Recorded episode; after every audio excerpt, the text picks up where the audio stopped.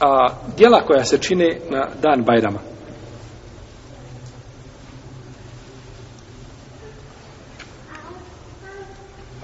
Na dan Bajrama se čine četiri stvari.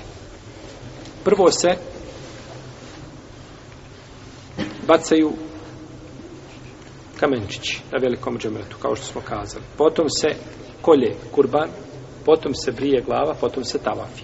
Ove četiri stvari su se rade na dan Bajrama i sunnet je da se urade ovim redosledom kako smo ih spomenuli. Znači ovim redosledom to je bacanje kamenčića, klanje kurbana, brijanje i tako.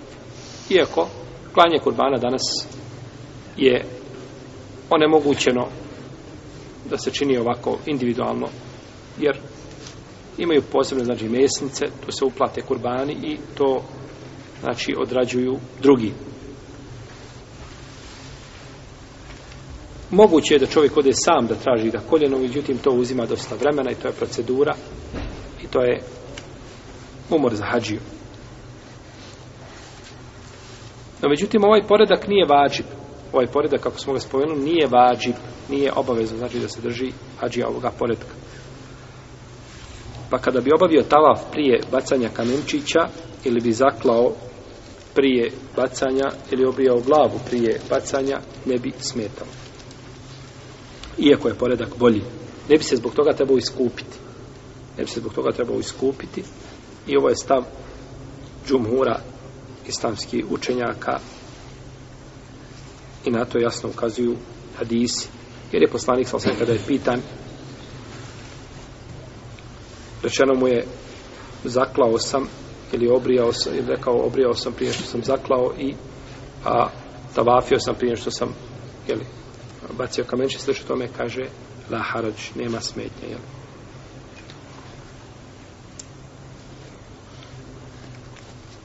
Neki islamski učenjaci poput imama Ahmeda kažu da je ovo samo za ljude koji ne znaju propis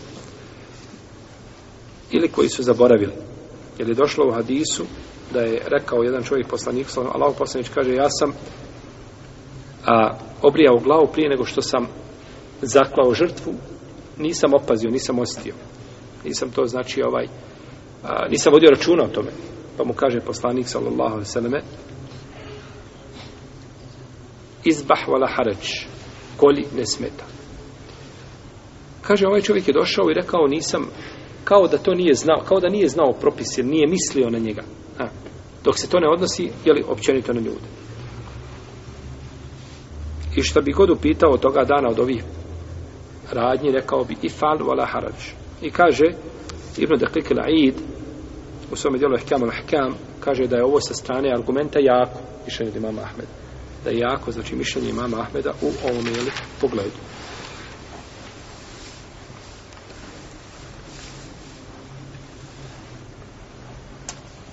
Ovo bi mišljenje bilo jako da je poslanik sa rekao samo nema smetnje, la da je rekao nema smetnje, moglo bi proći. Ali riječi poslanika, sa osrme, i fal, čini, radi, nema smetnje, ukazuju na što?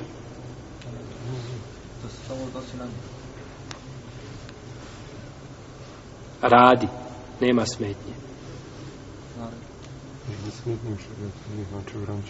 Uzmite ovu prvu riječ, radi i fal, radi. Za budućnost.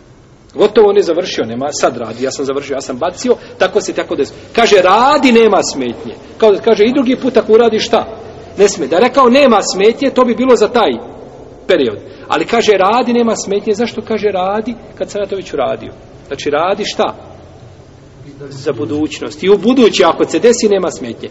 Pogledaj, znači, kako jedna riječ može šta promijeniti? Hukm, a ona biva skrivena. Tako da je riječ radi, nema smetnje, kao da je naznaka, ako ti se ponovo, kao što je rekao poslanik sa Amar ibn Jasiru, i na adu ako se vrate, vrati se. Šta je rekao? On je pogredno govorio poslaniku. Sam. su ga, jeli, mušici da, prisilili ga da govori pogredno o poslaniku. Sam. Kaže, Allah poslaniče, ja sam govorio. Kaže, kako ti je srce? Kaže, smireno imanu. Kaže, i na adu Ako te budu ponovo prisiljavali, opet priča, ne smeta. Jeli, olakšica u tom pogledu da se čovjek sačuva jeli, zla njihovog ili prisile jeli, na koju su ga natjerali. Iako je svakako razlika između dvije stvari, jer u prvoj se stvar radio o postupku koji je postupak čega? Kufra, tako? Vrijeđati poslanika, sa sveme, nevjerstvo. Bilo kakve vrste. Bilo kako da čovjek vrijeđa poslanika, sa sveme, to ga izvodi iz okvira islama. A ovdje kaže ifal Fal wala haraj.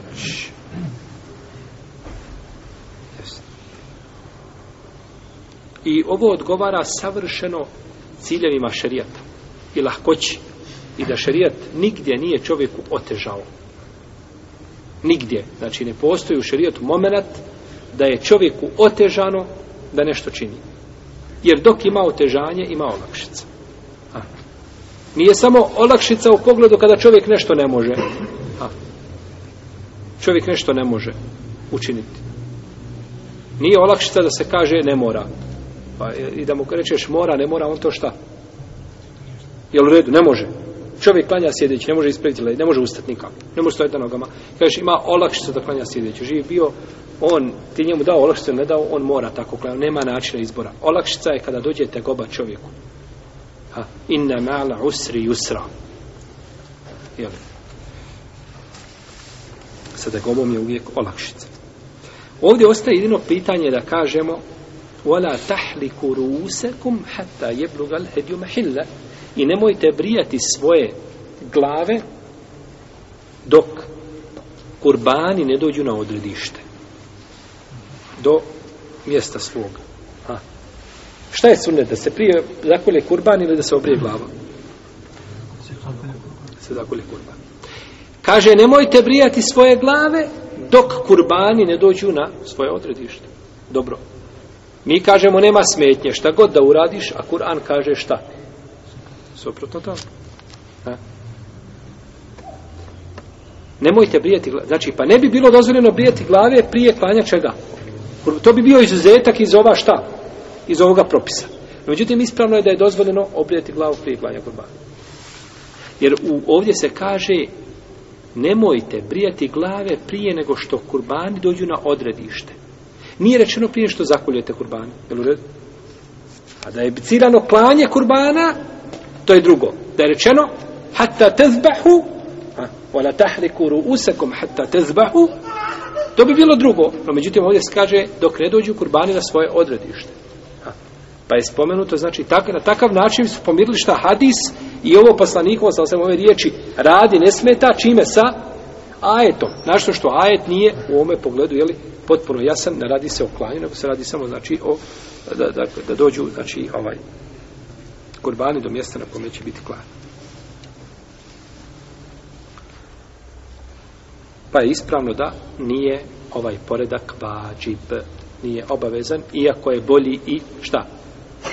Preći. Iako je bolji i preći s tim što izuzimamo ovdje šta? Klanje kurbana. Jer to ljudi ne rade. Pa ćemo znači doći na minu a baciti kamenčiće, nakon toga obrijeti glave tu ili se vrati u šator ili otići u Meku, u hotel pa obrijati ili usput negdje nije bitno i nakon toga ići na tava. I nakon toga ići na tava.